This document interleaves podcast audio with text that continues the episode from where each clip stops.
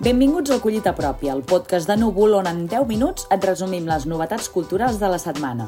Jo sóc la Joana Justícia. Comencem! I arrenquem el novè episodi amb la ressenya literària que Anna Carreras ha publicat sobre Sigues tu mateix, una novel·la memorialística de l'escriptor i redactor del The New Yorker, Hietzo, i que ha estat guardonada amb el Premi Pulitzer. Anna Carreras ens explica per què no hauríem de deixar escapar aquest llibre. Doncs aquesta setmana us recomanaria el llibre Sigues tu mateix. És una autobiografia de Hietsu, publicada per Navona, i trobo que és una reflexió apassionant sobre la capacitat de la literatura per capturar tant l'ordinari com l'extraordinari del passat d'algú. No és, són només unes memòries de joventut, sinó un testimoni vital i estètic de l'angoixa adolescent, l'experiència de ser immigrant i la necessitat humana de pertànyer a algun lloc. I destaca per una prosa netíssima, però amb un subtext dolorós que destil·la una enorme honestedat emocional. Us la recomano sens dubte. I de la literatura passem al tarot, amb la crònica que Bernat Puig Tovella publica sobre la presentació del llibre I llavors em va dir, d'Edicions Poncianes, que es tracta d'una aproximació personal i lírica al tarot en mans de la mèdium Amor Estadella i el poeta Oriol Sauleda. L'acte de presentació es va celebrar a la llibreria ON el passat dissabte, Puigtovella qualifica el llibre com un esdeveniment editorial i de país que està cridat a irradiar allà on vagi. Com diu l'autor, l'acte celebrat a Ona Llibres va acabar amb una autèntica conferència performativa, amb l'amor comentant les cartes del tarot i l'Oriol recitant els seus poemes sense llegir cap paper. Escoltem-lo. Vaig somrient perquè tot és perfecte. La meva tasca és òptima pel brot. Deixar-se anar serà l'únic precepte. Vols ballar amb mi? De sobte tot d'una ve i et diu, vols ballar amb mi? I li és igual, eh, si això et fot. De sobte un gust metàl·lic ressona a la boca, el teu cervell treu un suc que col·loca i et vas desmembrant, que fan camí als desmembraments cap a l'oblit. Però si tu li dius sí, pot fer-te infinit. Per mi veuràs que el que vius és una bicoca. I continuem amb les paraules i amb tot allò que ens inspiren amb l'article Una ferida fastigosa, de Laia Mauri. Escoltem l'autora.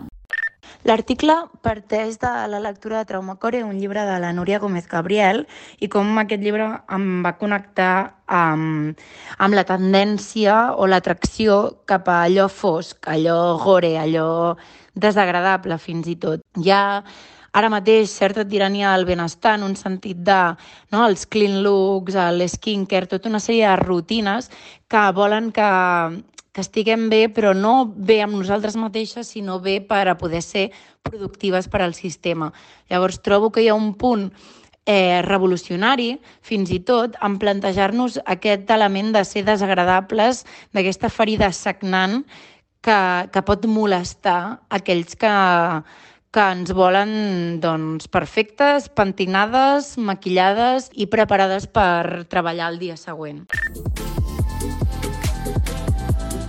El llibre del qual parla es diu Traumacore, Cròniques d'una dissociació feminista, publicat l'any passat per Traficantes de Sueños i que es tracta d'un assaig literari al voltant del feminisme dissociatiu i la cultura posttraumàtica actual, que qüestiona com parlar de les nostres ferides sense guarnir-les.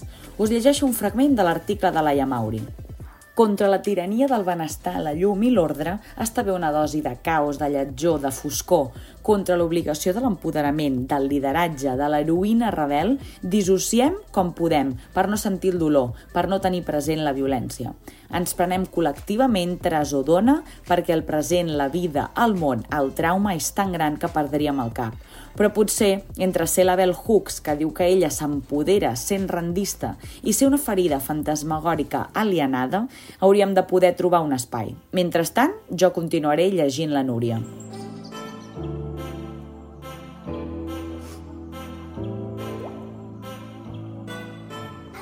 I dels llibres passem al teatre perquè Jordi Vilaró ha escrit El ple de la incomoditat, una crítica doble de l'espectacle, una còpia de Carol Churchill que estarà a la sala Atrium fins al 17 de març i també ha parlat de Purificats, de Sarah Kane, que podeu veure al Teatre Tantarantana fins aquest diumenge, dia 25. Jordi Vilaró ens en fa 5 cèntims al collita pròpia. Una còpia exposa els problemes generats pel fet que un pare confessi als seus fills que han estat clonats. Aquest coneixement esquerda la relació paterno-filial i planteja tota una sèrie de dubtes i qüestions sobre com els individus forgem les nostres identitats.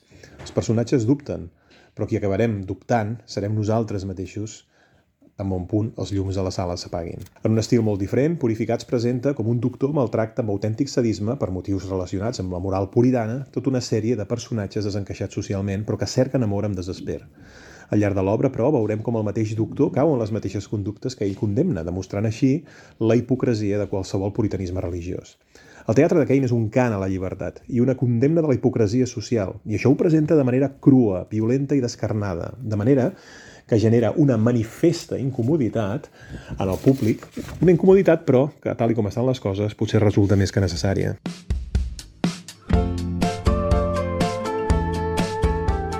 I en clau actual no deixeu escapar l'article El missatge de Navalny per l'esquerra, de Joan Bordeus, arran de l'assassinat Alexei Navalny.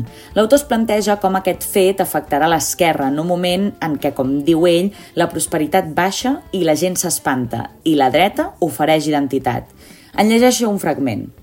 En temps de duresa material, la dreta està posant la identitat ètnica al centre per mantenir els pocs privilegis que queden als de sempre, mentre que l'esquerra hi està posant el pluralisme identitari per camuflar la manca de projecte material i refugiar-se en el món de les paraules.